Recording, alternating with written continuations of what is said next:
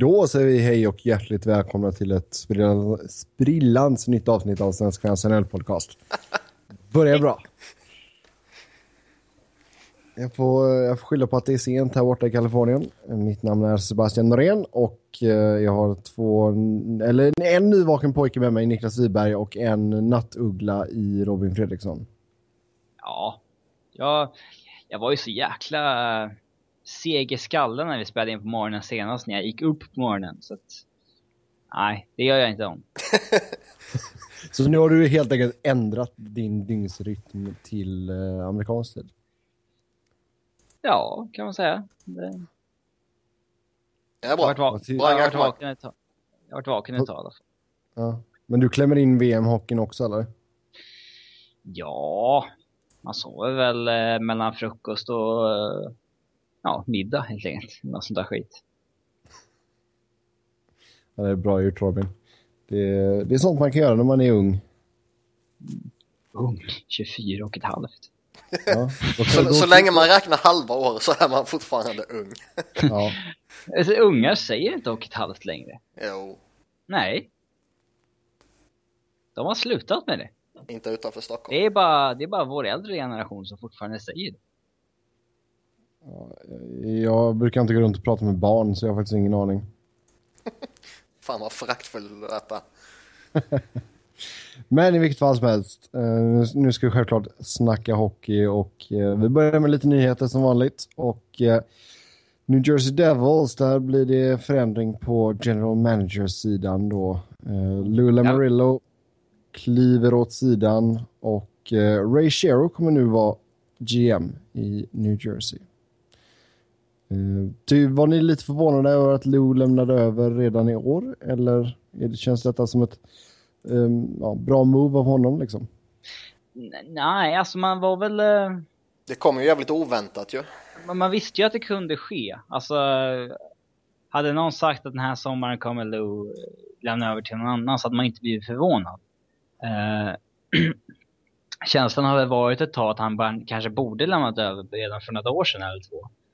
Uh, men uh, att han liksom att han gjorde det på ett conference call och inte kallade det till presskonferens och dessutom hade en ny GM kvar, eh, klar. Och mm. dessutom den GMen som kanske är mest eftertraktad utan att det hade läckt ut. Det var ju en riktig chock. Fascinerande. Mm. Ja. har fortfarande kvar sina skills att köra massa dimridå och grejer liksom. Ja visst. Nej jag kollade igen på um, den 30 for 30 som släpptes om eh, sovjetiska landslaget där. Eh, som var på förlorande sidan av Miracle on Ice. Och eh, Lou är ju med där då när han vill ha, ha Fetisov till, eh, till New Jersey. Han ser ju likadan ut nästan. Det är bara hårlinjen som har krupit ner lite. Mm, ja, han har sett likadan ut i all evighet ju. Nej, det kommer ju det kommer vara lite konstigt att inte ha Lou alltså, som GM i New Jersey, men som du säger där Robin, alltså Shero självklart ett av de hetaste namnen. Så um, får Kanske vi se där. förvånande namn också, att, de, att han skulle ta ett sån, ett sån stark GM. Han ju ändå vara kvar som president, Lou. Man trodde väl att kanske att han skulle lämna över till någon som var lite mera... Puppet. Kanske, ja, men kanske till hans egen son eller till någon, någon yngre förmåga. Uh... Ja, alltså sonen var ju säkert på pappret, men alltså, jag, jag tror ändå så att han kanske vill ta mer av en backseat roll här nu och, och låta GM verkligen göra sitt jobb och då är ju Shero ett perfekt val. Ja, alltså det... Han måste ju ändå fatta att han är 72 bast liksom. Och ett halvt va? Eller? 72 och ett halvt, ja det är jävligt korrekt. Ja, ja vad, vad har ni att säga om Chero då? Eh, tycker ni att han eh, misslyckades under sin tid i Pittsburgh? Det beror på hur man ser på saken. Jag tycker han är en, eh, liksom generellt sett en, en respekterad GM och uh, har liksom förtjänat den respekten också. Uh, däremot så kan jag ju tycka liksom att uh, tittar man på den tiden han körde med Penguins och man inom situationstecken bara vinner en Stanley Cup när du har eh, världens bästa spelare och eh, världens eh, kanske näst bästa spelare i mm. Crosby och Malkin då liksom så kan man ju föra lite argument för att en uh, cup är för lite. Fast i dagens NHL så är det svårt att säga så. Alltså det är ju liksom, det är så tight mellan lagen och... Ja, jo det är det jag menar liksom att det är... Uh, lig ligan är var... tight och det, det är liksom... Uh, bortsett från möjligtvis detta året så har det ju när man gått in i slutspelet uh, liksom funnits uh, en, en, ja, vad ska man säga, två, tre, fyra riktigt starka kandidater. Mm. Nu är det ju mer öppet ju. Mm. Jo, men de har ju alltid varit en, alltså en av favoriterna när man väl går in i, i slutspelet. Men det känner man ju inte när de gick in här nu i den här serien mot Rangers. Nej, nej, och det ska de inte varit heller. Uh, men tittar man efter de vann eh, uh, kuppen så har de uh, åkt i andra rundan två gånger, de åkte första rundan två gånger och sen åkt i tredje rundan en gång. Liksom. Det, det är ju för dåligt. Sen finns det ju då utöver det här att ligan är så tajt och, och, så vidare finns det ju även skadeproblematiken de har haft. Mm. Ja, verkligen. Eh, så det finns ju klart förmildrande omständigheter, absolut. Men likväl så är ju en kupp med en generational talent som Sidney Crosby ett misslyckande tycker jag. Mm. Ja, det är så. Det, det är också så här att det är ju... Det var inte han som det var inte han som draftade Crosby och Malkin. Det var Craig Patrick som gjorde det. Det var ju Craig Patricks lag i grund och botten. Och liksom när man... När liksom Crosby och Malkin redan är där när han kommer. Det finns liksom inte så mycket att forma själv då. Det är liksom... Det är ju att ge dem så bra förutsättningar som det bara går. Ja, men liksom det är ju... Det var inte han som valde att bygga sitt lag med att lägga alla pengar på två starka centra liksom. Utan det är... Nej, men vill man göra något annat så tror jag nog inte att Malkin när han tog över skulle varit otradebar direkt.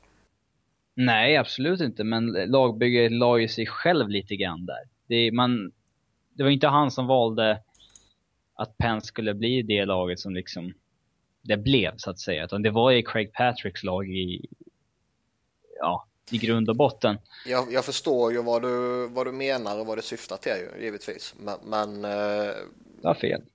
Men du har fel ja. ja. Nej, fel har du givetvis inte. Jag menar, det, det är ju ingen som kan kritisera en GM eh, eller en ägare eller whatever för att eh, satsa på Crosby och Malkin. Eh, det är ju givetvis det rätta beslutet att ta. Mm. Är det alltså upp till en GM att bestämma liksom? Alltså hade han velat flytta på någon av dem hade det väl varit folk uppifrån som hade sagt nej. Ja, kanske inte. Ja, precis. Ja. Det... Eh, så är det Så det, det, det, beslutet tycker jag inte man kan ifrågasätta. Det, det skulle väl alla gjort. Mm. Eh, sen tycker jag som sagt att uh, en kupp med världens bästa spelare är ett misslyckande. Samtidigt som det givetvis är en jättestor framgång. Så det är en skön balansgång där. Mm. Ska det bli intressant att se honom i en, i en rebuild situation.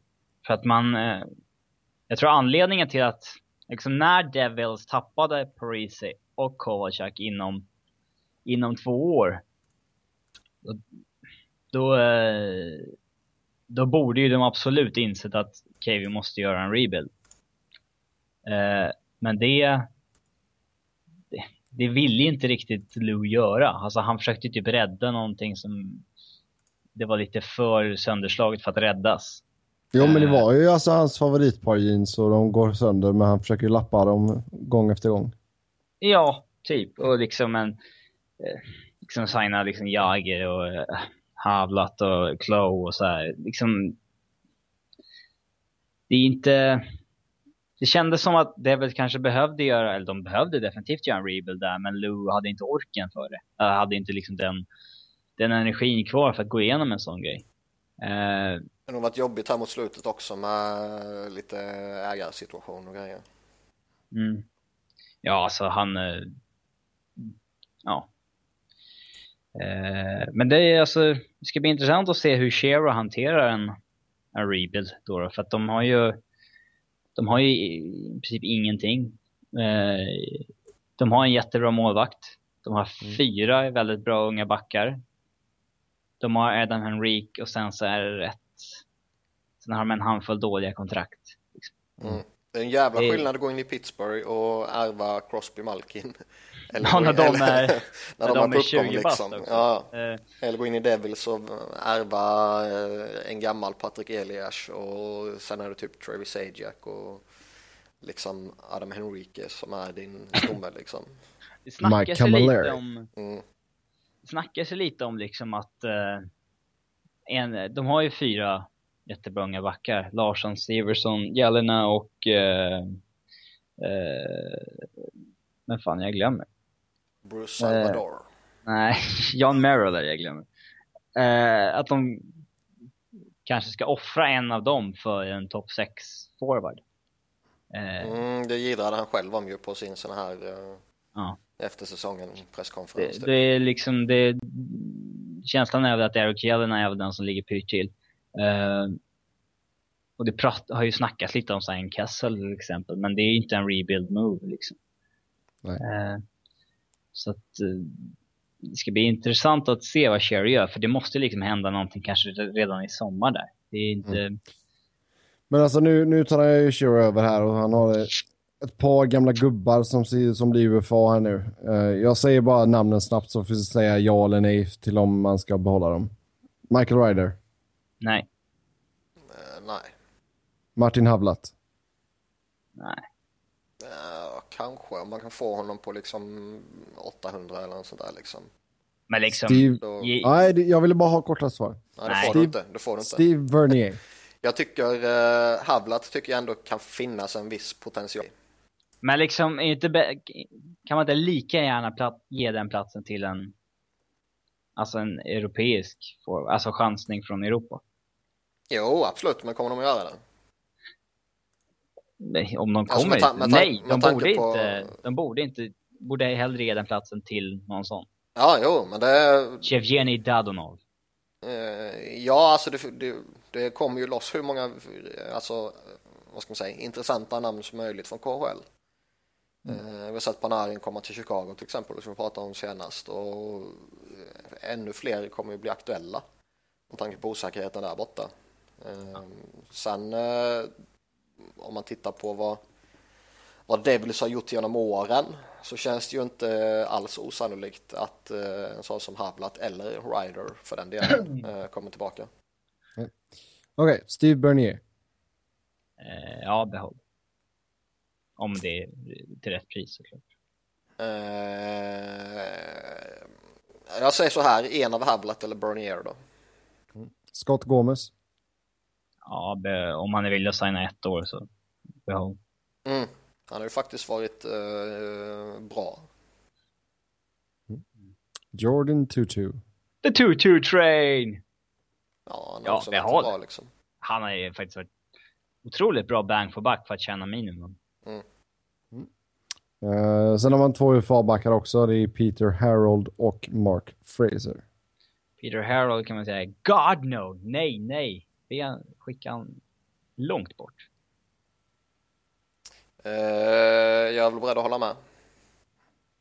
Mark Frazier, in, ja, han är inte bra men liksom vi, vill man ha en, honom som djup och liksom, han har väl tjänat minimum i år liksom. Eh, så det är ju inte hela världen. Ja. Sen får vi väl uh, Jag tyvärr ju se lite, att... jag har ju lite, en till om du, jag antar att du är inne på general manager. Eh, om du scrollar ner på non-pro roster players kommer de som är skadade upp också, eller har varit skadade. Till exempelvis Det är helt rätt. Bryce Salvador. Eh, Ja. Scott Clemensen. Mm. Cam Jansen, den gamla godingen. Ja, det är bra. Nej, men alltså... Han har ju en del att göra här nu, Shero. Det är ju en sak som är jäkligt säkert. Sen är det klart att det är några RFA-kontrakt också som vanligt. Adam Larsson bland annat. Eh, Stefan Mathieu. Får väl se ifall han får chansen nästa år. Den stora uppgiften han har framför sig det är ju att eh, New Jersey måste börja drafta vettigt. Mm. De har ju väldigt många år här nu där de inte alls har varit bra liksom. Du får gå tillbaka. De senaste åren är det för så det är svårt att säga något. Eh, Alltså det, det är för Tid- tidigt, ja, för tidigt att slänga, slänga John Quenneville under bussen om man nu vill det liksom. Uh, Stefan Mathieu är väl lite sådär... Verkar vara en flopp. Ja, det, det känns som det, men samtidigt så är det lite tight ännu med tid 2012 liksom. Men det... det är lite upp till denna säsong som kommer nu känner jag. Ja. Adam Larsson har man ju äntligen se ut att få någon ordning på efter att ha misshandlat honom rätt saftigt ju. Men alltså från 2010 och tillbaka så är det liksom Jakob Josefsson, Mattias Tedenby eh, och, och, på den nivån liksom. Och går man tillbaka ännu några år så är det Niklas Bergfors och sådana alltså. Liksom, är det draftandet det har varit fel på eller är det liksom behandlingen när man, när man kommit dit? För det har alltid snackats om att New Jersey istället där liksom prospects går dit för att dö liksom. Ja, nej men så har det ju varit ju. ja. eh, sen visst det är en legitim fråga och det, den är svår att svara på utan att vara alltså, involverad i den liksom. Både Tedenby och Josefsson var ju supertalanger på juniornivå i Sverige. Bland de bästa i landet. Jajamän. Eh, så att, och ja, alla höjde ju sig efter att DeBoer fick gå också. De som var där. De yngre spelarna. Så det, det är jäkligt viktigt att välja rätt coach den här gången. Mm. ja, eh, på tal om coachingstaffen då. Vad tror vi om killar som Scott Stevens och Adam Oates? Kommer de att vara kvar? Kanske som assisterande, men jag tror inte någon av dem eh, promotas upp till eh, nummer uno. Nej. Ge det jobbet till Tommy Albelin istället. Nej, det tror jag inte. Jag, det finns väl... Uh, ja. Jag hade tyckt att det var intressant att se en Dallas Aikens typ. Men han är kanske inte så sugen på att ta till rebuild uh, jobb. Men samtidigt hur det finns många coacher och få lag. Hur många, många kan, man kan inte hålla på att tacka nej liksom. Uh, men alltså det, jag... det snackas ju såklart om Bilesma i och med att han har sitt mm. förhållande med Shero. Och jag tror inte att det hade varit värdelöst på något sätt. Jag tror ändå att han är en kompetent, uh, kompetent coach. Men kanske en coach som är som bäst. att han är ju en coach som levde på att han hade Malkin och Crosby och tidigt uh, Jordan Stahl han bara kunde slänga ut ju. Mm. Ja, det är klart att man hade bra, bra firepower på centersidan. Men liksom han, han levererade ju ändå bra resultat när många, när liksom de hade ruskigt mycket skador på de tre också. Nej, la, lag, laget levererade bra resultat trots en absurd skadesituation och en eh, dålig coach.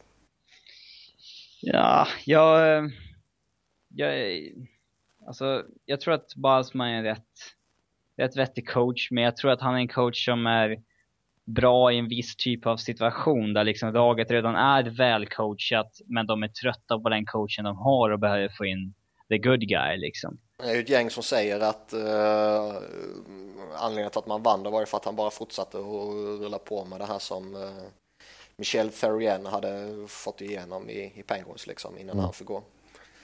Ja, när, när liksom inte, började... samma, inte samma järnhand som Terrien hade haft. Ja. Som spelarna var trötta på. Ja. Jag kan tänka mig att Balsma kanske är grym att, eh, kanske perfekt att ta över efter en Hitchcock till exempel då i St. Louis. Eh, men, eh, ja, jag, ja, men det, det är väl inte omöjligt att han hamnar i Devils. Jag hoppas det. Mm, ja, vi får se. Jag tycker det är lite kul ändå att man har tre stycken special assignment coaches som alla heter Jacques. Ja. Mm. Eller inte. ja, men det är, det, är lite, det är lite roligt faktiskt. Det var Jacques Caron, Jacques Lapelier och uh, Jacques Lemaire. Är det bara hos mig det brusar eller vad är det? Nej, det är hos mig också. Det är säkert Sebbes uh, fel. Nej, det är det inte. Ja, det om New Jersey då. Vi uh, hoppar Vem tror du de tar in som coach? Alltså jag... Jag vet inte ifall något lag i öst kommer vara sugna på McLellan, men jag, jag känner att McLellan är en coach man verkligen borde titta, ta en extra titt på. Kommer han vara sugen på ett sånt lag? Det är en annan fråga. Nej, jag tror, jag tror att eh, är Oilers smarta så tar de honom. Ja, det håller jag med om. Eh, däremot så känner jag väl att han eh, kommer nog antingen, antingen ta en Edmonton med McDavid-hypen liksom. Mm. Eller så går han till ett lag som är betydligt längre fram i sin, uh, i sin rebuild mode eller som redan är en contender liksom. Ja. Vem snackar vi om? Bab? Babcock? Nej. Jaha. Så det om det. Nu över till Ryssland. Eh, Alexander Burmistrov sägs ha bestämt sig att komma tillbaka till NHL. Han eh, draftades ju av Atlanta 2010. Gjorde en säsong där innan de flyttade till Winnipeg och eh, sen åkte han tillbaka till Ryssland. Och eh, han har huserat i AK Bars i hemmastaden Kazan. Ja, och har väl inte gjort eh, dundersuccé heller liksom. Nej, vad har han gjort nu? Alltså, två säsonger, 20 mål på ja, 107 grundseriematcher. Ja. Alltså det... Det är som jag har sagt tidigare, det är alltid svårt att förhålla sig lite till KHL när man inte ser matcherna. Eh, och- Jag, jag har sett den, jag har sett den. ja, Kanske tre matcher Ja. den här säsongen. Då har du sett tre matcher mer än vad jag har gjort. Men eh, alltså tittar man på vilka som producerar i ligan så är det ju vi- vissa intressanta ryska namn och sen är det ju liksom NHL rejects i princip. Alltså du har i topp, toppskiktet av ligan är ju liksom Stefan da Costa, Steve Moses, Matt Ellison, Nigel Dawes, Brandon Pochenski liksom. Ja, det är bara skräp liksom. Eh, Jonathan Chichu, liksom 17 plats i poängligan där. Så det, det är alltid svårt att förhålla sig till den. Eh, Men vad är det som brusar? Det är Sebbe va? ja, det är klart det är det. Utan tvekan. Men det är, som sagt, det är svårt att förhålla sig till ligan. Vi var inne på det lite förra året. Eh, men, man tycker ju ändå liksom, kom, kommer det en NHL-spelare dit som inte gör poäng trots att han är en spelartyp som bör göra poäng liksom. Eh, då bör man ju fundera en och två omgångar kan jag tycka. Ja, alltså det är, det är ju en viss hype kring Burmistro för att han gick ju rätt, han gick ju högt i draften och eh, han gick ju som åtta eh, 2010 där. Uh, har alltid snackats om att han ska vara en jäkligt skillad spelare men liksom tvingades in i NHL för tidigt och så vidare men ah, jag vet inte, alltså, han har inte Alltså. producerat, han har inte producerat bra på juniornivå i, i, i Ontario Hockey League. Det var inte jätteimponerande siffror han gjorde där i förra draften. Eh, han har inte producerat bra på NHL-nivå, inte ens sett till spelstil, eh, speltiden. Han har inte producerat bra i AHL eh, och inte jättebra i KHL. Så jag vet inte vad man skulle vad skulle man förvänta sig av honom om han kom dit liksom? Det, eh, om han kom hit igen och vad är han värd? Det är inte jätte inte jättemycket kan jag tänka mig. Nej, men det är ju ändå en skicklig spelare som gick eh, tidigt i första rundan. Eh, hypen kommer fortfarande vara kvar och kanske har han visat så pass lite så att man bör sänka sina förväntningar på honom. Eh, Alltså, jag skulle inte betala mer än kanske fjärde, femte rundsval för att få honom. priset kommer nog vara lite högre. Jag tror man kommer Ja, få upp han- en tredje runda eller andra runda och sådär kanske. Ja, det tror jag. Men det är liksom ändå, ändå en snubbe som, visst han är bara 23 år, men han har ändå gjort fem fulla säsonger i seniorhockey så att säga. Ja, men vad förväntar man sig om man tar honom? Förväntar man sig en producerande spelare liksom? Förmodligen eftersom han är ryss liksom och sådär. Eh, Men, ja. Mm, det är ju ingen du tar in i din topp 6 för att eh, liksom få det där sista pushet i alla fall. Däremot kan jag tycka det är ett intressant eh, projekt att plocka in om du har ett eh, gott djup liksom. Vart tror ni han hamnar då? Blir det tillbaka till Winnipeg eller någon annanstans? Nej, det blir det absolut inte. Det blir, det blir någon trade någonstans i så fall. Kanske Toronto. Mm, Toronto, där kan det ju hända en, en, en annan grej i sommar, hoppas vi. Guy Boucher säger att han har blivit kontaktad av en lag och vilka kan det vara i frågan? Toronto kanske? Ja, Dreger säger att det är Livs i ett av lagen. och Det, det är som att han när... går eh, ut själv och säger det ändå. Han sa ju, inte, han sa ju bara att jag har blivit kontaktad. Eh, han men- sa ju inte att det är Toronto som har kontaktat mig. Nej, men varför, alltså- varför säger han någonting överhuvudtaget? Ja, För att får- någon frågar honom alltså. Frågar, så, ja. Då säger man no comment. Men varför ska han Next. säga det? Next det? question. Han vill ju höja sitt... Han vill ju... Han vill visa på att har han blivit, är det Toronto han har blivit kontaktad av och han tycker att Toronto är jävla skräp. Det vet, dit vill väl ingen vettig människa. Alltså han vill ju visa att mig är folk intresserade av liksom. Ja. Är, jag är en bra coach liksom. Eh, jag, jag, det är väl inte jätte... Alltså, Men är han en bra coach då? jag vet inte. Det, han gick ju inte bra där i Tampa på slutet. Det gjorde det verkligen inte, men... han, häng, han var hängdes ju lite för tidigt kan jag tycka. Alltså inte, inte i Tampa menar jag inte. Det kanske var rätt att göra sig av med honom där efter uh, två och en halv säsong eller vad det var. Det var konstigt att han Men- inte fick något NHL-jobb efter det bara. Ja, det är det jag menar. Ja, för att han, det var ju så uppenbart att, alltså det var ju målvakts, alltså Visst, de var ju inte bra heller sist, men alltså, har du så dåligt målvaktsspel som de hade då, det kan ju sänka vilket lag som helst. Sätta dem i en sjukt negativ spiral. Det var ju det som hände. De hade ju inte ett dåligt lag i, i övrigt. Eh, och han, han var ju en jäkligt hypad coach när han kom fram och hade ett första år som var succéartat i, i Tampa.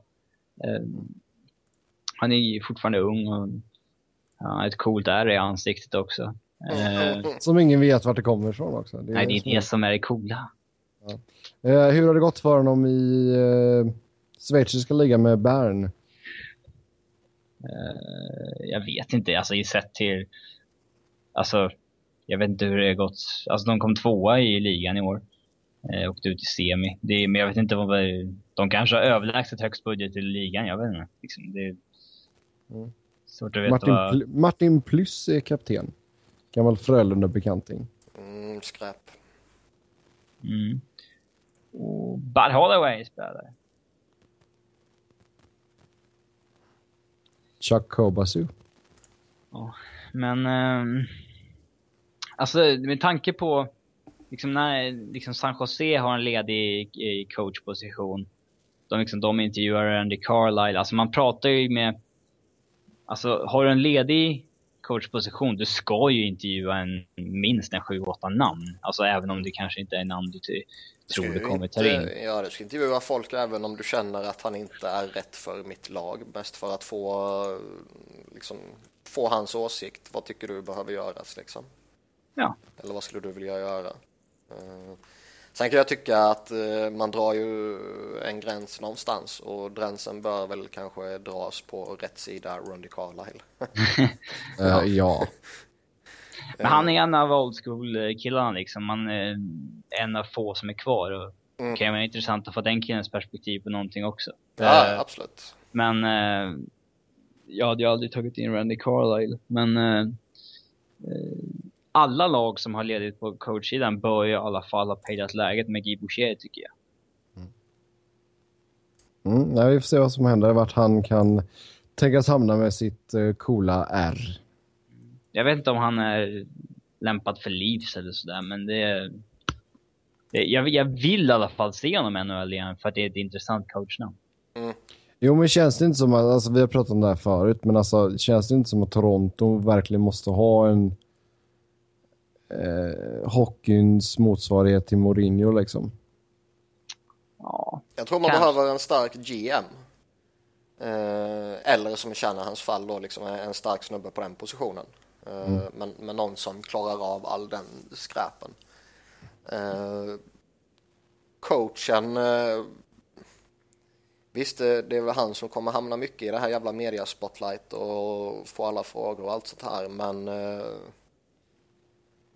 liksom en, en sån som Guy Boucher har ju ändå så pass stor rutin från NHL att det inte bör vara några problem. Nej, jag tycker fortfarande Tortorella hade varit för jäkla roligt. Ja, det skulle vara sjuk stor charmfaktor på den.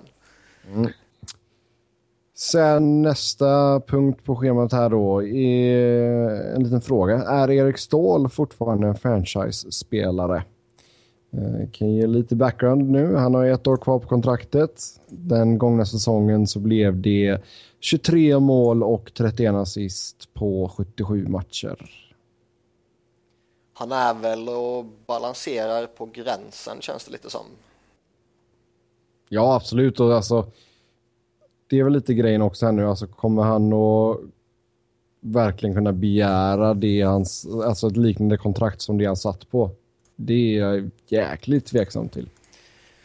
Alltså tittar man lite på vad han, eh, om man tittar på status och kaptenskap och liksom eh, vad han har gjort tidigare och att han har vunnit en cup med dem och du vet massa sådana där grejer. Eh, så bör han ju liksom söka ett kontrakt om man säger så som är 7-8 år på 7-8 miljoner capita liksom. Mm.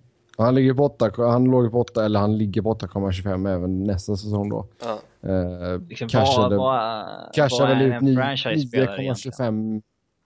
Ja, det... ja, en franchise-spelare är... Det är en bra defini- definitionsfråga här. En spelare Eh, som kan är- bära ditt lag liksom. Eh, Ja, en och- spelare som bär ditt lag. eh, Och som är Med mer, ansiktet Nej. utåt. ja, och som, bara är och som är mer än bara en producerande spelare liksom. Hur många spelare är det? Fem? Nej, tycker jag inte. Jag tycker väl de flesta lagen har lyckats eh, sätta en franchise-spelare liksom. Sen har du franchise-backar, du har liksom franchise-målvakter. Det... Det Men alltså, jag, det, men alltså, Eriks- många av liksom. Ja, men Erik Ståhl, jag tycker ändå att han har gått ner sig så pass mycket nu så att hade jag varit Carolina så hade inte jag velat ge honom ett åttaårskontrakt på åtta miljoner liksom. Nej, fan det skulle inte jag heller vilja göra. Frågan är ju däremot om det är han som har gått ner sig eller om... Eh, liksom Carolina det- gått ner sig? Ja, precis. Ja, jo, men det är ju hela laget har ju gått ner sig självklart, men det här skulle man ju nästan behöva städa, städa hus istället. Jag menar, kan, kan, du, kan du trada Ståhl och få något vettigt utbyte? Så ja, tycker det jag borde nästan. Ja, då borde man göra det. Och säger Jordan då att ja, men nej, nu lämnar min bror, nu vill inte jag vara kvar. Nej, nej, okej, men då ryker du också. Det är nästan välkommet då att han skulle ryka med tanke på vilket kontrakt han har. Och... Eh, Ja, exakt. Och så jag menar, sen har du ju eh, Seminsoppan. Han sitter ju fortfarande på tre år, sju mille. Alltså, finns... Kan ägarna, ägargruppen tänka sig att lägga de alltså, pengarna det skulle kosta att köpa ut honom så gör det för guds skull. Nej, men om de, eh, alltså de, så länge de inte behöver köpa ut Semi för, av liksom cap-skäl så är det ju onödigt att göra det. Mm. Då ser jag ju hellre i så fall att man liksom gör en trade och behåller 50% av lönen. Mm. Eh, Ja, men Semin till, till Den- 3,5 det är det är ändå en chansning, väldigt intressant. Ja, det är en chansning, men sätt en sån bredvid Crosby eller någonting. Alltså, det är en, ja, jag hade nog ändå haft balls nog att testa det, chansningen. Ja, får man honom på 3,5 så chansar du. Om du, om du inte måste betala hur mycket som helst. Om du honom, har liksom. rätt jävla center. Mm. Annars gör du det inte. Tror jag. Gör inte Mm. om det är Toronto. Liksom. Nej. Nej, det, det är meningslöst. Det ska vara ett lag som står och, och stampar lite och kanske behöver någon, eh, eh, någon skillad forward liksom. Och, och som har någonting och som kan hota i övrigt liksom. Så det, det tror jag kan vara ett alternativ. Det är bättre än att köpa ut honom med tanke på att jag är rätt så övertygad om att de under de här tre åren inte kommer vara i en kappsituation där de står och liksom faller på honom. Men jag Ja, tror nej, de, de behåller väl en del lön redan som det är, Keynes. Uh, i att, Ja, Harrison har. Och Harrison. ja, är det över nästa år också? Uh, titta lite snabbt. Man får ju bara behålla lön på tre spelare. Uh, de, kan, de kan ju inte behålla lön på både Eric Stahl och uh, uh, Semin. Vad fan ska du behålla lön på Eric Stahl för? Ja men han tjänar 8,25. Vill de ha, det är inte jättemånga trade partners som Nej, men funkar det med är det. ett år kvar bara. Ja men alltså Sen, det är, sen går ju Ken Wards kontrakt går ju ut efter nästa säsong också. ja alltså- de har ju inte, 6,3. De kommer ju snart vara i en situation där de kommer tvingas signa dyra spelare för att komma över golvet. Eh, men jag menar bara att Eric Stahl blir ju, alltså du får ju, Nej, det är klart han blir mer attraktiv på många 6 miljoner än på 8,25 givetvis. ja, alltså Mm, precis Bestämmer som, man sig för att trada honom så tror jag ju inte det, liksom, det står och faller på om man behåller lön eller inte. Liksom. Mm. Mm. Sen innan vi går in och snackar slutspelet här då så hur många poäng behöver Conor McDavid göra nästa säsong för att inte se som ett misslyckande? 150. Alltså, nej, men alltså, det är ju galen hype kring McDavid. Alltså, det är, Gretzky säger att det är bästa spelaren på 30 år. Uh, vi har mycket om att det liksom är generational talent och ja, hockeymessias helt enkelt. Men om McDavid går och gör 60 pinnar första säsongen i NHL? Det beror på. Det beror på hur det går för resten av laget. Alltså vinner Edmonton President's Trophy och McDavid har gjort 60 pinnar, då är det, ser det ju inte bra ut. Kommer de tog sist igen och han gör 60 pinnar, då eh, är det inte hans fel direkt. Jo. ja. Nej, men jag, jag, tror det är oundvikligt att uh, inte folk kommer jämföra honom med Sidney Crosby.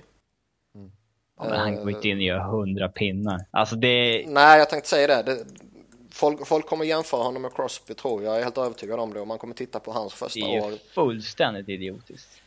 Ja. Alltså, ja. Ja, nej, jag håller med dig. Jag menar inte att jag kommer jämföra honom. Jag sa att jag tror att folk, gemene man och media och bla bla bla kommer göra det liksom. Uh, och kommer säga att ah, ja, Crosby han gjorde ju 102 poäng sin första säsong. Vi kan ju förklara varför det är CP om folk gör det. Att liksom poängligavinnaren i år gjorde 87 87 poäng. Säsongen Crosby debuterade i NHL så hade vi ju vad hade vi? Sju spelare över 100 poäng. Eh, vi hade... Jäger och Thornton var väl en bra bit upp mot 120 ja, eller något sånt där. 16 spelare som gjorde över mer än vad Jamie Benn gjorde i år som vann Outcross. Mm. Alltså scoringen var sjukt inflated som de kallade det då. Eh, det säger man fortfarande. Men eh, ja, det gjordes mycket mer mål igen på den tiden helt enkelt. Nej men så är det ju. Jag, menar, det finns ju jättemånga rimliga förklaringar till att han inte kommer gå in och göra 100 poäng. Mm. Framförallt i Edmonton. Framförallt i Edmonton. Uh, däremot kan jag tycka att liksom, med tanke på hur stor hype det är Eh, med tanke på att han ändå rimligtvis bör få spela med rätt skickliga spelare i en Taylor Hall eller Eberle eller något sånt där liksom. Så bör man ju ändå kunna förvänta sig att han ligger på en 55-60 poäng. Eh, ja, absolut. Lite typ Tavares första säsong i Islanders. Ja. Eh, eh, det man förväntar sig främst är väl kanske att han ska hitta någon rejäl kemi med någon av dem där. Mm. Jakobov, Eberle, Hall, någon av dem. Att mm. det liksom det ska verkligen klicka mellan några av dem. Eh, ja, det är svårt att sätta, alltså man måste, det är svårt att sätta någonting, en poängsiffra på vad som är bra och inte. Man måste jämföra med övriga, med liksom övriga ligan när, när säsongen är, ser över och liksom se hur, liksom, var ligger scoring pacen på den här säsongen. Eh, har han varit den typ tionde bästa centern poängmässigt i år så är det ju, är det ju jättebra. Men har han varit liksom den fyrtionde så är det kanske inte så bra. Mm. Ja, vi får se. Uh, pressen kommer i alla fall vara stor på McDavid. Mm. Nu hoppar vi över till slutspelet och uh, pratar andra rundan här. Och vi börjar ute i öst. Där uh, Washington leder med 2-1 i matcher över New York Rangers. Vi fick se en match i onsdags. Nej, måndags menar jag. Um, Washington går och vinner med 1-0. Jay Beagle går in och blir matchhjälte. Ja, det är Beagleberry. Mm.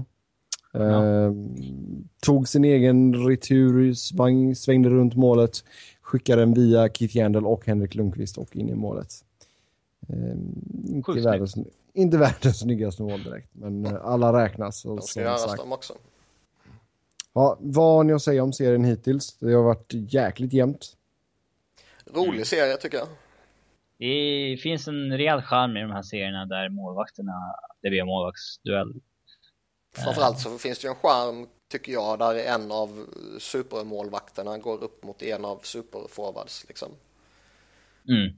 Eh, och då menar jag ju inte Holtby mot Nash utan då, som återigen har tacklat av i ett slutspel liksom. Utan de menar Dan Bäckström! mot. Nej, jag menar ju faktiskt eh, Tom Wilson mot Henrik Lundqvist. Mm.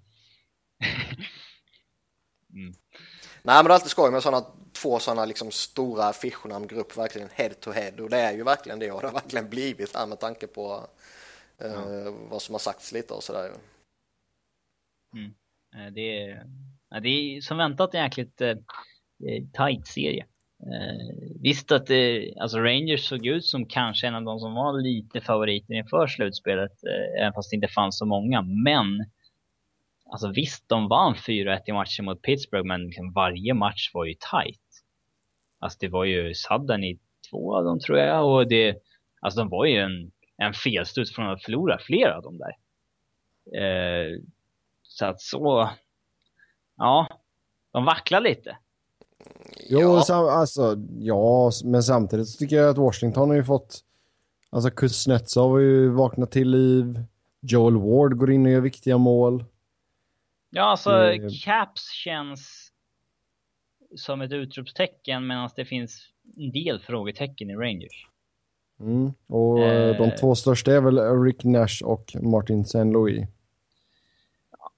Rick Nash är en notorisk playoff choker. Eh, ja, men det, han, han kommer säkert göra sina mål eh, också, men eh, Nej, han är inte lika... Alltså visst, han... Alltså han känns inte lika närvarande. Alltså man märker inte av honom på samma sätt i matcherna eh, som man gör, har gjort vid jäkligt många grundseriematcher där han liksom... När han tar över matchen på ett sätt som han... ja, han kan ju dominera. Alltså det, han, han kan ju dominera som väldigt Han få är hög, spelare högsta egentligen. nivå som är helt sjuk med sin size och skills liksom. Ja. Eh, det har man inte sett i någon slutspel av honom.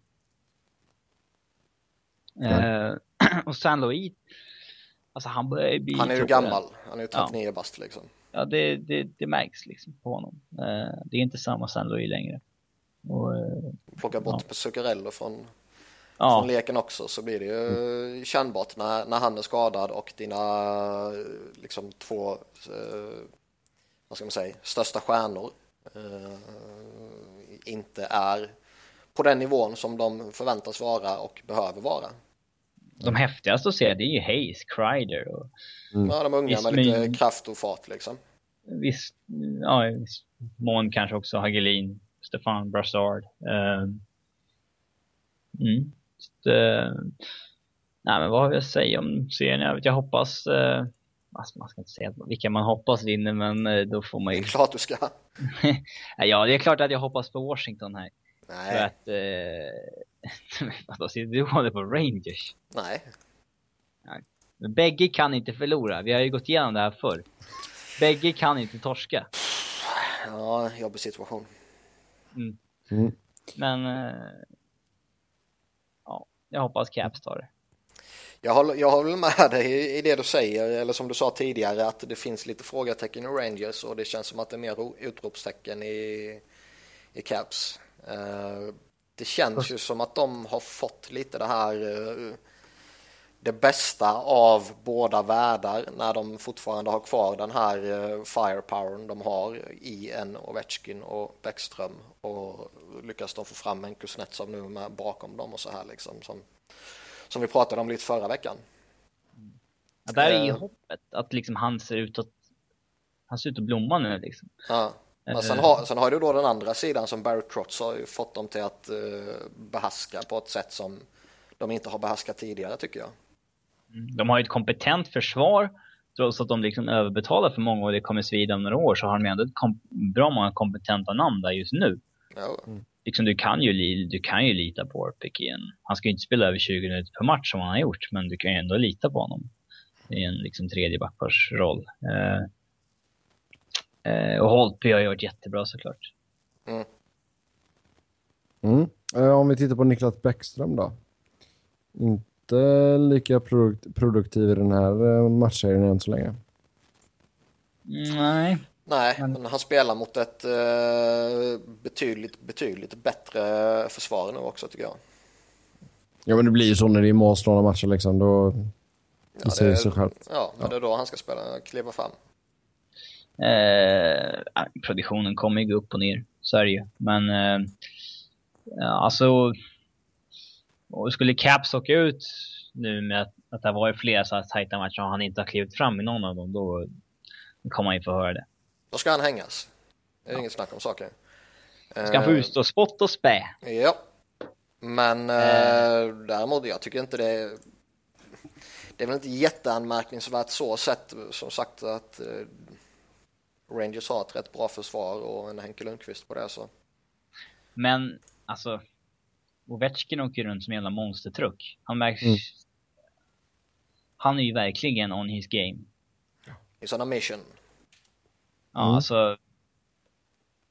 Ja, han, är- han känns ju tokhet just nu. Mm, faktiskt. Det, det börjar bli en liten hype kring Ovechkin igen. Att han... Eh, att... Eh, ja, ja, ja, jag är väl lite av en trendsättare på det sättet. Att... Eh, Va? ja, nu börjar folk ta efter och gilla Ovechkin igen. Att det blir en Nej. grej. Jo, Han det blev, lite mer, han blev lite mer sympatisk där när han var full under All-Star-draften. Folk kunde relatera till det. Eller hur? Det, det som jag tycker är lite fascinerande, jag tycker han har varit, eh, varit duktig och han har varit eh, liksom, eh, som- Robin sa, man ser honom liksom hela jävla tiden.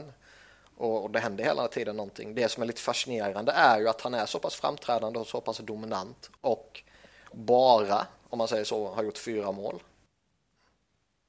Ja, Ja. alltså. Det... Prest, alltså prestationen han har gjort och liksom dominansen han har gjort känns ju mer som att ja, han har gjort sju, åtta mål på de här tio matcherna. det är skrämmande att eh, det finns sparkapital med målskyttet. Ja, hur tror vi att det går eh, i den här serien då? Eh, det kommer gå till sju matcher. Mm. Eh, och där kan det gå hur fan som helst, men jag hoppas på Caps, att jag säger Caps. Jag sa ju, jag tippade ju Rangers efter sex matcher och eh, nu känns det väl lite som att ska Rangers lyckas ta det här då krävs det nog sju matcher. Vad Mm, tippade ja. jag? Ja, jag kanske ändrar mig varje avsnitt, så att jag vet inte. Men eh, jag minns inte vad jag tippade. Jag vet inte, jag lyssnar inte på dig när du tippade. Ja, jag tippade också Rangers. Jag kommer inte ihåg antalet matcher dock. Vi ändrade några av dina tippningar, för att det var så tråkigt när vi tippade samma. Japp, Jaha, så där ja. men jag kommer inte ihåg hur. Nej, jag, tror, du- jag tror du tippade på Calgary typ liksom. Ja, just det. Att alla inte skulle ta dags. Ja, just det. Ja, jag hade Anaheim i fem, men eh, det kan nog, kan nog bli så. Vi får se. Vi får se. Ehm, vidare då till Montreal och Tampa Bay och uh, whoops så sa det 2-0 matcher till Tampa. Och eh, vad har hänt här egentligen? Det, nu kunde inte jag riktigt se match två för jag satt och eh, laddade inför Ducks Flames. Så eh, jag såg bara att det blev en jäkla massa mål. Eh, det som det känns som är väl att eh, Canadiens på något sätt har eh, tacklat av lite. Ja, Alltså det, de, de möter ju ett betydligt bättre lag nu än vad de gjorde i, i första rundan givetvis ju. Tampa är ju mycket, mycket, mycket bättre än Ottawa tycker jag. Eh, och Tampa Bay när de kommer med, med sin fart och sin skills så är de jävligt svårhanterade. Eh, Jo, alltså det, det har vi sett under hela säsongen. Alltså Tampa är ju jäkligt, ett jäkligt snabbt lag och Tyler Johnson har ju verkligen klivit fram här nu när Stamkos har varit lite eh, anonym. Så, eh, men att det skulle stå 2-0 till Tampa efter två matcher, det trodde jag efter verkligen två inte. matcher i Montreal. Ja, exakt. Nej, det hade man inte Eh, räknat med.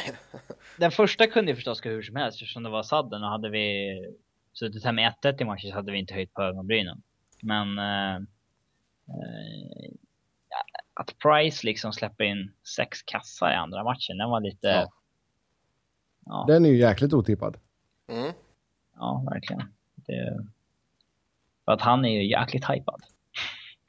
Som, Ja. Ja, han är ju bra Eh. kan jag tycka. Ja, men Men han, det- har han har väl redan vunnit både Vesna och Hart eller? de sa ju det i TV, alltså jag vet inte om det var NBC eller vad fan, vilka det var som sa, sände Tampa Montreal-matchen. Och har de liksom årets Vessina och Hart-vinnare Carey Price. Ja, det var ingen rätt att jag åkte i NHL awardsen. Nej, vad fan vad ska du dit göra? Ja, det vet jag inte. Nej men det... Så bra har det ändå varit att folk... eh, Eh, redan har tagit ut det i förskott liksom.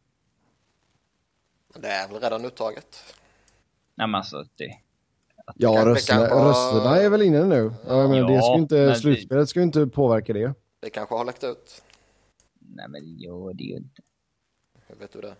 Allt läcker nu för tiden, förutom... Förutom Uncle Lou's för- beslut. Exakt, förutom vad Lula Marilla gör. Ja. Ehm. nej, men det, det känns ju att hittills i, i matchserien så är det ju Ben Bishop som har vunnit målvaktskampen. Och inte bara för att han har vunnit matcherna. Big Ben. Ja. Han, eh, Kändes som han växte ytterligare några centimeter, tror det eller ej, när han, eh, när han tog den där match 7 mot Detroit. mm, det, det känns ju lite som att han, eh, med rätta var han ju ett frågetecken inför slutspelet. Eh, med tanke på att han, eh, han tog väl sin första slutspelsseger någonsin i det här slutspelet liksom. Ja. Men eh, jag tycker väl att han hittills i alla fall nu har visat att eh, nej, men det är nog en målvakt som Tampa kan rida på. Mm, två, två meter lång. Mm. Mm. Plus en Ben. centimeter. 201 står det han listad som. Ja, Mm, det, nej, vi det se blir, men alltså, det blir vad- vad tror du? jävligt svårt för Montreal att vända det där i Tampa nu. Jag tänkte säga det, alltså match tre Tampa här. ehm, natten till torsdag. Nej, jag hoppas Tampa tar det. Eh, det. Det är ett jävligt underhållande lag att titta på. Eh, Ja, det, det är ett ja. av de mer underhållande lagen att titta på. Absolut. Jag tror Man- vi alla, hade vi alla tippat Tampa? Nej, jag hade Montreal efter sju matcher. Det kommer ju nog inte bli, känns det som. Jag tror Tampa Bay kommer ta det. Jag tror väl inte de tar det med 4-0 i och för sig.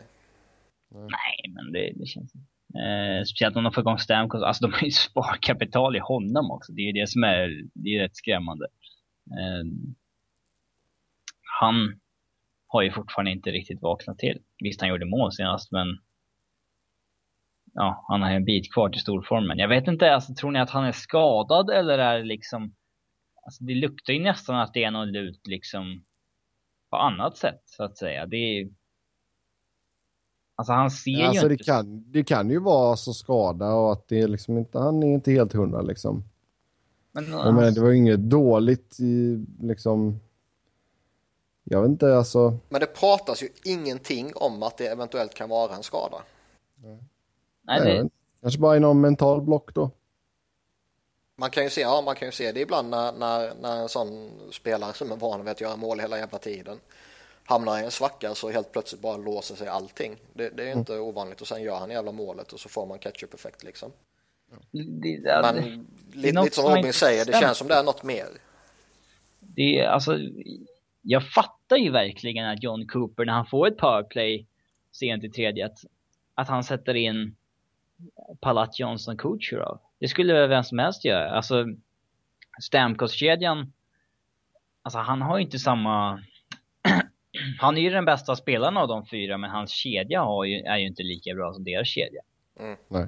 Eh, men visst, alltså...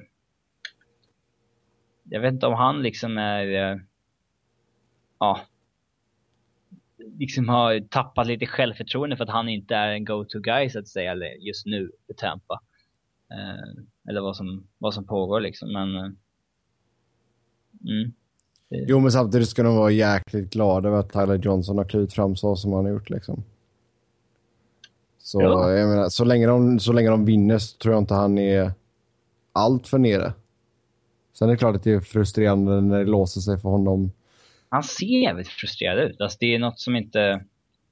eh, alltså bara men då- då känslan kanske- kring det hela, att det är något som inte stämmer.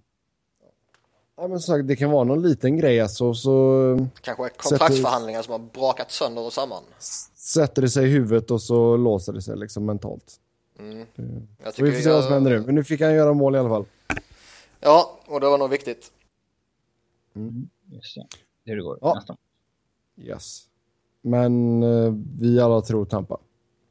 Mm. Ja, nu när de leder med 2-0 så känns det Ska vi inte prata något om eh, Brandon Prest? Vilken idiot han är. Eh, jag kan ju se en viss charm eh, som eh, halvidiot att man eh, går efter målvakten på det sättet han gjorde. Eh, för det, det är uppenbart att det var ju ingen, eh, inget misstag utan det var ju, han kanske inte gick in för att skada honom. Men han går ju definitivt in för att smälla honom och liksom markera någonting när, när matchen hade gått åt helvete och så här. Och kanske vill göra honom lite skraj och så här. Det, det är ju så Ja men vad fan, det är, det är slutspel. De möts igen nästa match. Det är klart att man gör det. Ja, eh, det roliga är ju däremot att han blir arg och slänger in sitt eh, vad var det, axelskydd eller armbågsskydd eller ja, vad det var, kommer jag inte ihåg. Ja, i, i, i Tampas bås. Eh, det känns ju lite liksom infantilt. Man, och, han... och sen det, och hans jävla... Ja, hans rant efter matchen var ju det mest underhållande. Nu fick han ju böter 5 också. 000 dollar böter. Ja. Och det var väl rätt eh, rimligt ändå. Jag kan tycka eh, det är eh, en jävligt låg nivå det han höll på med efter matchen. Tycker den boten borde gå direkt till det domarteamet så de kan gå ut och käka en fin middag. Man vet aldrig, domaren kanske förtjänar att få lite skit. Hade han men, sagt det på riktigt så är han faktiskt inte så lämpad att döma matchen. Nej, exakt. Eh, kan man ju tycka. Alltså domare ska ju inte trashtalka själv. Det, det kan men vad, Det finns ju något klassiskt klipp. Är det från SHL? När domaren tar headlock på en spelare? Ja, Sören Persson på eh, Mojusholtet. Okej, okay, ja.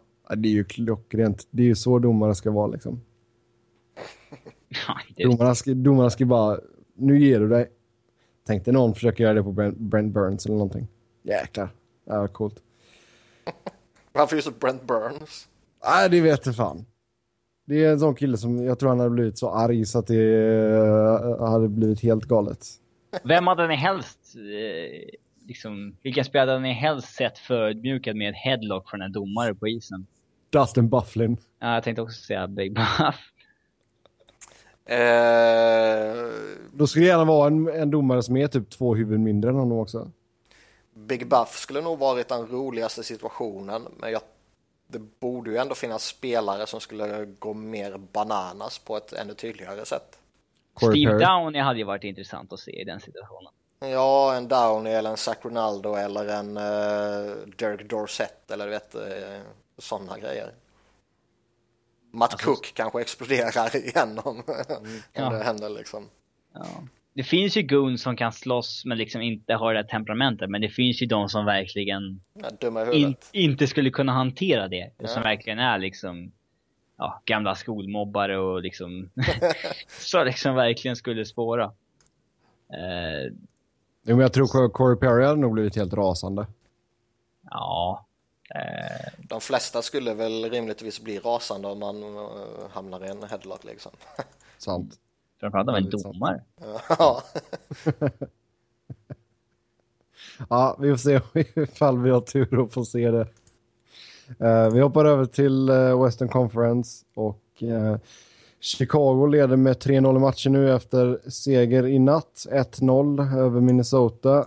Corey Crawford håller nollan, gör 30 räddningar. Patrick Kane gör matchens enda mål i powerplay i första perioden.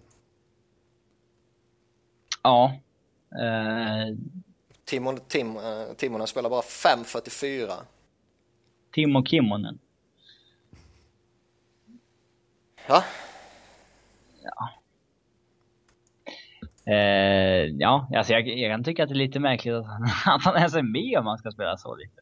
Nej, men jag, fatt, jag fattar inte heller, men alltså med, med tanke på att de uppenbarligen känner sig tvingade att spela Rotsival så mycket som de gör. Alltså nu spelar han 16 minuter i natt och han har ju legat eh, kring sådana siffror eh, eller några minuter högre till och med tidigare matcher. Eh, och, och liksom måste du spela han så mycket, då spelar jag ju hellre rundblad. Mm. Ja, alltså... Vi pratade om det förra veckan och, och liksom jag är förvånad att man har kvar både Timonen och Rotsival i laget. Ja, men vad... Alltså, han, Timonen spelade 6.57 förra matchen. Mm. Det, alltså, det, det, känns, det, det känns, känns verkligen som att okej, okay, han, är, han är för respekterad och för gammal för att vi ska våga peta honom liksom. Ja, vi alltså, har de betalat för mycket för att få honom. Inte, litar uppenbarligen inte på honom alls. Nej, så är det. Varför menar jag att han ska spela fem minuter för match? Du måste ju bara luta dig... Alltså, du måste ju luta dig liksom 30 minuter på en keys som du gjorde i natt istället. Det, det är ju inte bra i längden. Nej. Nej, Det absolut är inte. en märklig, märklig situation där att han, att han hade liksom bollen att peta Vermette men liksom i Timonens fall så... Timonen förtjänar mer än Vermette däremot. Ja, Ja, det men kan det- jag faktiskt hålla med om. Ja men det är inte upp till, det är inte upp till Chicago att, alltså det är inte, det är inte Flyers Cup Run vi snackar om. Jo, det är nästan lika viktigt. Ja men, han är ändå ditplockad, det är inte det. De har inte relationen till honom som vissa som Flyers hade haft. Nej, det är klart. Jag bara hetsar lite. ju. Men eh, Alltså att man scratchar Vermette, det kunde jag ju köpa. det, det är ändå skillnad på status på de två. ju. Ja, Timonen är en av de senaste årens mest respekterade backar. ju. Så Ja, jag, jag, Alltså- kan, jag kan förstå att man inte väljer att peta honom samtidigt som det är, som jag sa, jävligt udda att man spelar med både Timonen och Rotsivall. Ja, jag vet att Robin, du eh, verkligen gick eh, full ut med din man crush på Kry- Kryger här under matchen. Jag såg flera tweets. ja fan vad bra han var. Innan, alltså, Fast Det han var- suger ju rätt hårt ju. det var framförallt chockande att se när, när slutsignalen ljuder för första perioden och Kryger liksom en sekund efter att slutsignalen ljuder sätter en open ice-tackling på Pommenville så han rasar i backen. och Ryan Suter ska flyga på honom där och jag vet inte, först tror jag att liksom Kryger sa typ så här, get up eller någonting till Pommenville men kommentatorerna hävdar typ att han liksom, ah sorry, typ att, eh, eh, att jag tacklar efter avblåsning. Mm. Och sen så spelade han ju, han har ju några sjukt viktiga defensive plays där i tredje och alltså det alltså visst att du har eh, alltså bra killar, bra defensiva bottom six killar i Chicago, men du har ju ändå en Jonathan Taves som anses vara kanske ligans bästa tvåvägscenter tillsammans med Bergeron. Och att du liksom med en minut kvar ledning 1-0 ändå väljer en kriger före Taves i den situationen. Det är ändå rätt, rätt talande för högt Chicago håller kriget. Jag hade kanske satt in bägge på isen. Framförallt i, med tanke på att du kan ju torska teckningen. Jag hoppas, eh, jag hoppas verkligen att eh, efter säsongen när de eh, behöver rensa ut lite för att lösa lönetaket liksom, att eh, han får en ännu större roll och han exponeras för vilken dålig hockeyspelare han är. Ah, jag hade tyckt att det var kul om ja, de valde att skepp- offra honom och liksom verkligen inte prickade rätt med ersättare så att Taves helt plötsligt måste ta de zonstarterna som Kryger har haft. Och se vad det gör med honom då när hans 10,5 miljoners kontrakt har kickat in. Det är sant, det, är nog den bästa situationen och sen så exponeras Kryger i ett annat lag och är pissdålig. Det är nog det, det har du rätt i. Det, den, den, den situationen hoppas jag på nu. Alltså det, det är så två skilda världar här. Vi har Robin som är alltså helt fjärilar, fjärilar i magen. Även Men Niklas Marcus. hoppas ju inte på det på riktigt. Han gillar ju Kryger. Nej, det, jag skiter fullkomligt i Kryger. Jag gör det mest för att jag vill eh, dig ont. Nej. Ja, i alla fall. Vi rör oss vidare från det ämnet. Eh, Patrick Kane då. Det, detta var hans sjätte mål i slutspelet. Eh, känns inte som att han eh, behövde så mycket tid att komma tillbaka in i, i matchtempo. Ja, det är imponerande alltså. Han var ändå borta en bra, bra, bra länge liksom och eh, ja, han, han satte ju hyfsad fart direkt när han kom tillbaka också. Eh, Så det var inte så att han behövde liksom fyra, fem matcher på sig för att börja producera eller något sånt här. Eh, Utan han har ju kommit igång direkt och det, det är fascinerande att se. Eh, nej, fan vad duktig han är. Alltså, det är ju... Alltså han är ju en av de mest pålitliga sl- slutspelsspelarna. Det är faktiskt... Det går ju inte hand i hand med stereotypen att det ska vara en kille som Zach Parisi som både har liksom hjärtat och inställningen och skillsen. Eh, men alltså Kane är ju sjukt pålitlig slutspelsspelare. Han är ju liksom... Alltså behöver du ett mål så fixar han ju nästan det. Mm. Det ja, sjukt underhållande att se på när han överlag när han spelar. Jag la ju upp ett klipp i natt vid min Twitter-feed på när Brad Richards slår en, eh, ja, en lång flippmacka till honom. Han liksom tar ner den i luften och alltså nästan utan att titta och gör det som att det är världens enklaste sak. En... Jag följer inte det så jag har inte sett klippet. Ja. Eh, ex extremt skicklig hockeyspelare. Det är... Han har ju verkligen klivit fram för Hawks. Jag trodde kanske att han skulle få det tufft i år nu när, de, nu när han kom från skada, men nej, alltså, grym slutspelsspelare. Och jag även tyckte att, um, att Sharp har varit bra och det, det eh, gör nog... Eh, man gick ju lite och väntade på det på ett sätt. Ja, alltså han, det var ju en kille som hade haft oflyt. Liksom. Eh, men eh, ändå att eh, en viss lättnad tror jag för Stan Bowman. Mm. När vi snackar trade value inför sommaren. Ja, absolut. Har vi tittar på målvaktsmatchen lite då. Um, Corey Crawford, nu fick han hålla nollan. Det gör nog honom väldigt gott. Ja, eftersom Wild-fansen käntade Crawford, Crawford och sånt där. För att, mm. Eh, så var han nolla. Han har ju fått upprättelse nu i den här serien. Mm. Och hans motståndare Devin Dubnyk. Vad vill jag säga om honom? Eh, det är väl tufft att säga att han har eh, landat och är slut och så vidare. Samtidigt kommer de inte gå och vinna fyra raka mot, mot Chicago nu liksom och vända det här det, kommer ju, det kan ju inte ens han se till, även om han prickar in den formen som han har haft eh, under grundserien så att säga. Nej, alltså jag tycker han drar ju sitt strå till stacken så att säga, men... Han gör, han gör vad han kan. Eh, mm. liksom får du inte hjälp av dina utespelare så, alltså i, i, i målproduktion framåt då så att säga, mm. så är det ju jävligt tufft att vinna mot Chicago. Ja, uh, Ryan Suter, vad snittar han nu? 27 minuter?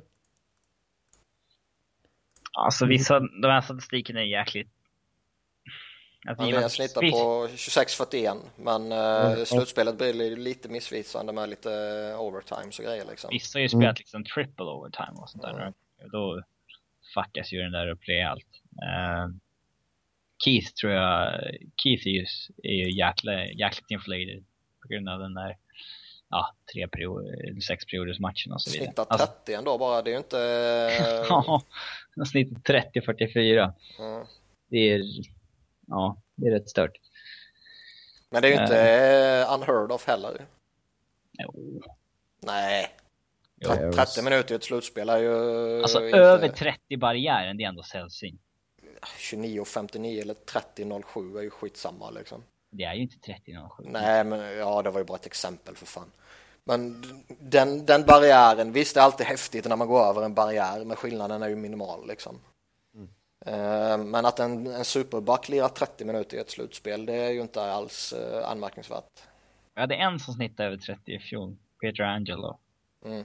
Um, visserligen spelade han bara en runda. Uh, Ryan Suter var den enda som snittade 30, över 30 för det. Han spelade också på en runda där mot Hawks.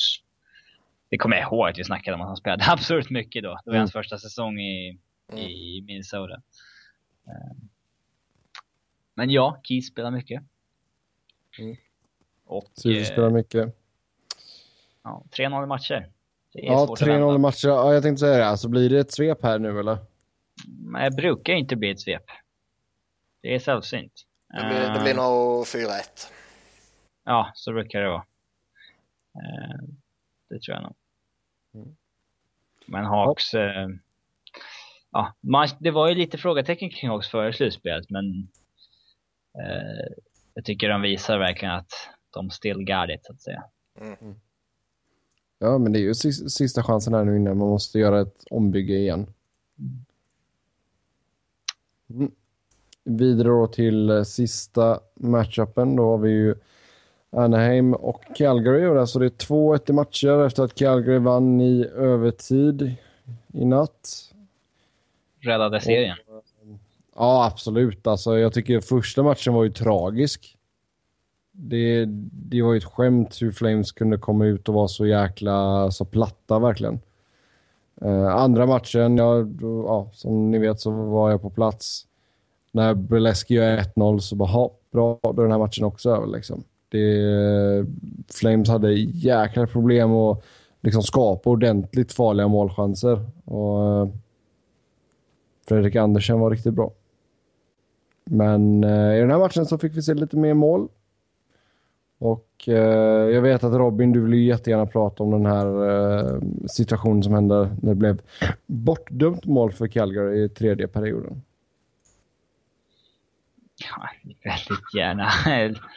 Det var ju en jäkligt... Så eh... fort den hände så kommer det upp ett meddelande. Nu har vi någonting att prata om. Ja, men det var ju bara för att lägga till det i körschemat i chatten. Ja, ja, ja. Eh...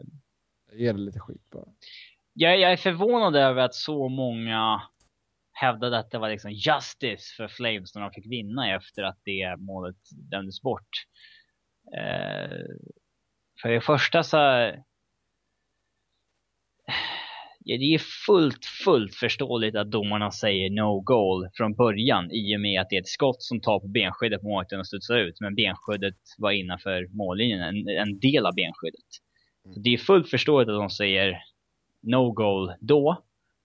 Och sen så finns det ju ingen video, alltså den ser ju ut att vara inne. Så skulle man tvingas gissa med en pistol mot huvudet så skulle man ju säga att den var inne. Men det finns ju ingen videovinkel som kan säkerställa det. Nej. Och då är det ju klart att de inte kan döma ett mål. Så det är att jag är förvånad över att det varit sån sånt extremt outrage över att det inte varit mål. det den... blir ju lite problem. Målburen får ju en smäll i samma veva så den hoppar ju upp lite. Ja, och det gör så... att kameran i stolpen inte har rätt vinkel. Ja, och liksom, eh, man ser ju inte overhead, ser det ju inte då liksom något, eh, något vitt mellan pucken och mållinjen så att säga. Mm. Och det är ju liksom, täcker det är ju, det är ju, man ser ju lite liksom vitt mellan puck och mållinje men det är ju liksom för att dels att pucken är uppe i luften lite och sen så är det ju massa snö kring mållinjen där så att det, eh, alltså det går ju inte att säkerställa att pucken var inne och när det då är när de dömer no goal på isen, då måste de, när de ringer upp då så är det för att hitta något bevis som bevisar motsatsen. Hade de dömt mål på isen, ja då, då söker, då frågar man videodomaren efter ett bevis som säger tvärtom. Mm. Eh, så oavsett vad de hade bedömt på isen så tror du att det hade varit det som hade gällt? Ja, så hade det ju varit i och med att det inte finns något conclusive eh, vad det gäller videobilderna. Om pucken var inne eller inte. Och mm. så måste man ju så måste man ju det är en rätt bra riktlinje att gå efter tycker jag. Mm. Absolut. Eh, fyra mål gör man i alla fall. Mm. Och eh, Johnny Goodrow, Johnny Hockey, som jag och Niklas gillar att kalla honom. Han heter det. Smäller in kvitteringen där med 19 och en halv sekund kvar. Så att vi eh, fick övertid. Så det, det var ju jäkligt spännande. Eh, Sami Vatanen är väl inte så jätteglad över det med att han satt i utvisningsbåset efter att ha svingat en klubb eller svingat klubban på en puck eh, mitt i luften så att han fick en sån här delay of game-utvisning. Men det intressanta med den, eh, det powerplayet, det är ju att de spelar ju fyra mot fyra när Vatanen tar den utvisningen. Ja. Och Matt Stagen ordnar ju fyra mot fyra spelet när de behöver göra ett mål genom att jäkligt tydligt åka in i Fredrik Andersen. Och se till att ordna ett, ja en, eh, vad säger man, matching minor så att säga. I och med att man blir ju garanterat påhoppad då. Ja, exakt. Och han ordnar ju liksom med sin erfarenhet att spela fyra mot fyra, vilket är väldigt välkommet om du ska göra ett mål. Eh, ja, där. Smart av stagen. Jag tror ändå att han hade det där i i tankarna. Samtidigt är han så dålig så man vet ju inte heller.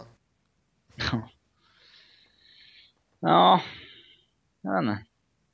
Det är inte en kille som gör det. Alltså, det hade, vad säger man, Bowlig åkt in i målvakten där så hade man inte tänkt, ja ah, han, han har nog tänkt till lite. Det, det hade man ju inte gjort. Nej. Stagen är ändå såhär, oh, varför åker han in i målvakten? Ja, smart. Smart kille. Ehm, sen i övertiden då. Så, Ja, det är Mickis. Ja, ja Mickis. Uh, 4.24 tog det innan uh, Mikael Backlund avgjorde med sitt första mål i slutspelet. Och han såg väldigt glad ut. Ja, det ska han väl vara. han räddade säsongen, alltså första slutspelsmålet och bla bla bla, så det är klart han eh, ska jubla lite. På hemmais och allt sånt där, så det var nog bra tryckt där. Om vi tittar lite mer på Anaheim då, alltså Perry, han har gjort sex baljer. Getzlaff har gjort uh, ja, tio assist nu. Men sen har man fått lite secondary scoring. Eh, uh, Beleski har gjort tre mål i den här serien.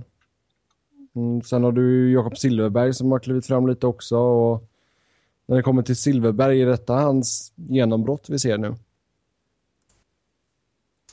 Eh, man lutar väl ändå lite mot det tycker jag. Eh, man har ju stått och väntat lite på att han ska eh, eh liksom slå igenom på allvar i Anaheim. Eh, det, det är väl fortfarande lite tidigt att säga att han har gjort det bara efter eh, ett gäng slutspelsmatcher. Men det är väl lite den känslan man får i alla fall att det mycket väl kan ske nu. Han har ju sett jäkligt giftig ut alltså. Ja, men jag skulle nog säga att han behöver nog hålla i det här lite till. Mm. För man har ändå sett lite begränsade spelare tidigare helt plötsligt bara få något CP-ryck och smälla in poäng efter poäng efter poäng i slutspelet. Ja, Men det känns ju inte så som att han har spetskvaliteterna. Ja, det har han. han har, han. han har ju ett jäkla bra skott alltså. Oh ja. Det är, jag tror det är en spelare som kommer i, i sin tid liksom bli en väldigt, väldigt duktig NHL-spelare och kommer väl säkerligen bli en 20-25, kanske till och med 30 målskytt liksom. Om han har rätt utveckling och han får spela med eh, toppspelare i Anaheim.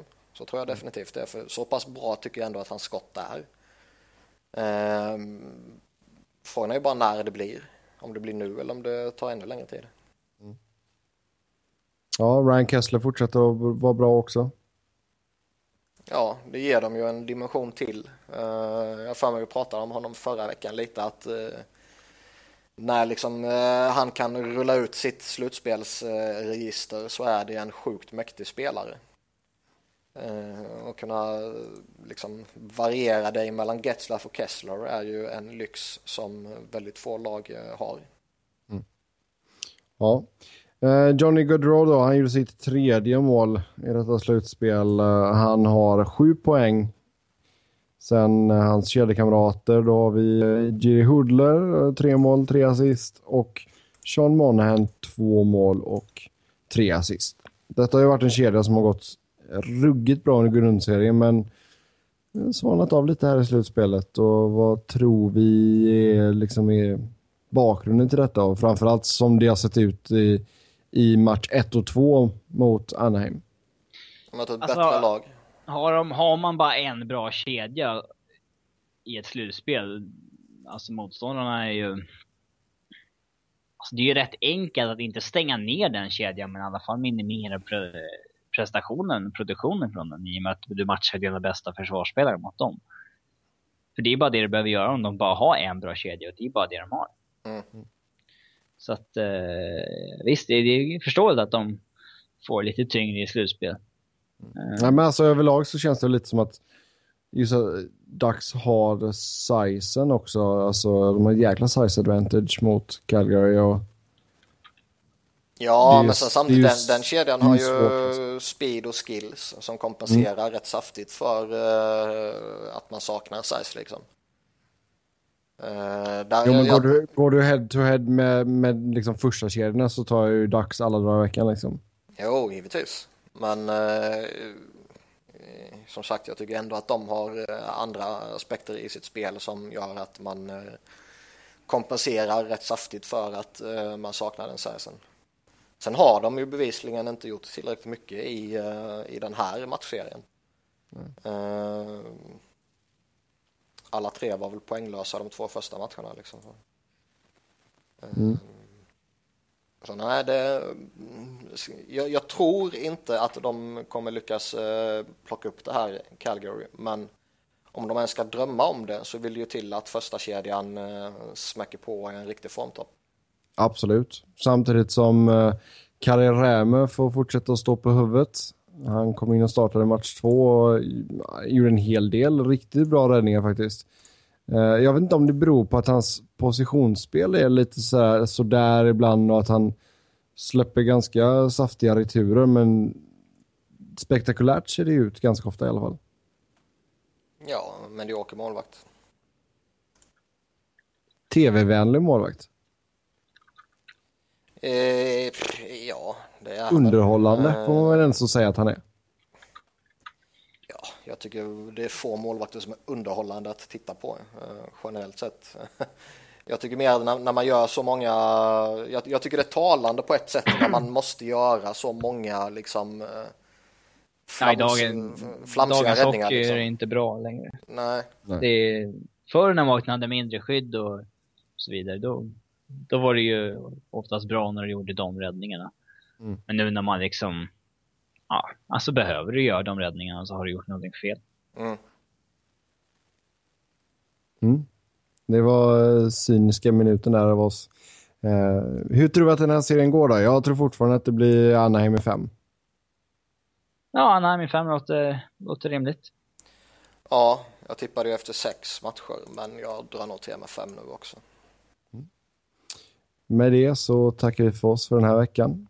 Eh, som vanligt så kan ni köra hockey med oss via Twitter. Eh, Niklas, du får skriva ner här nu. Robins handle är r underscore Fredriksson. Niklas hittar ni på att Niklas Wiberg, Niklas med C och enkel-V. Och mig hittar ni på att Seb Noren. Så kom eh, lyssna. Vad skulle jag skriva ner? Robins handle. Nej. Det är lugnt, jag skickar dig till det så kan du följa honom. Nej. Jag har blockat honom. Skriver för mycket skit. Ja. Så kom med kommentarer, eh, lyssnarfrågor och så försöker vi ta upp det i kommande program. Och eh, sen får vi lägga en plugg också. Gå in och rösta på oss på, eller nominera oss till Guldskölden. ja, det där vi kommer med. Ja, eh... det, det har varit trevligt. Så uppskattar ni det vi gör så gå in och nominera oss. Tills nästa gång, ha det gött. Hej! shameless self promotion.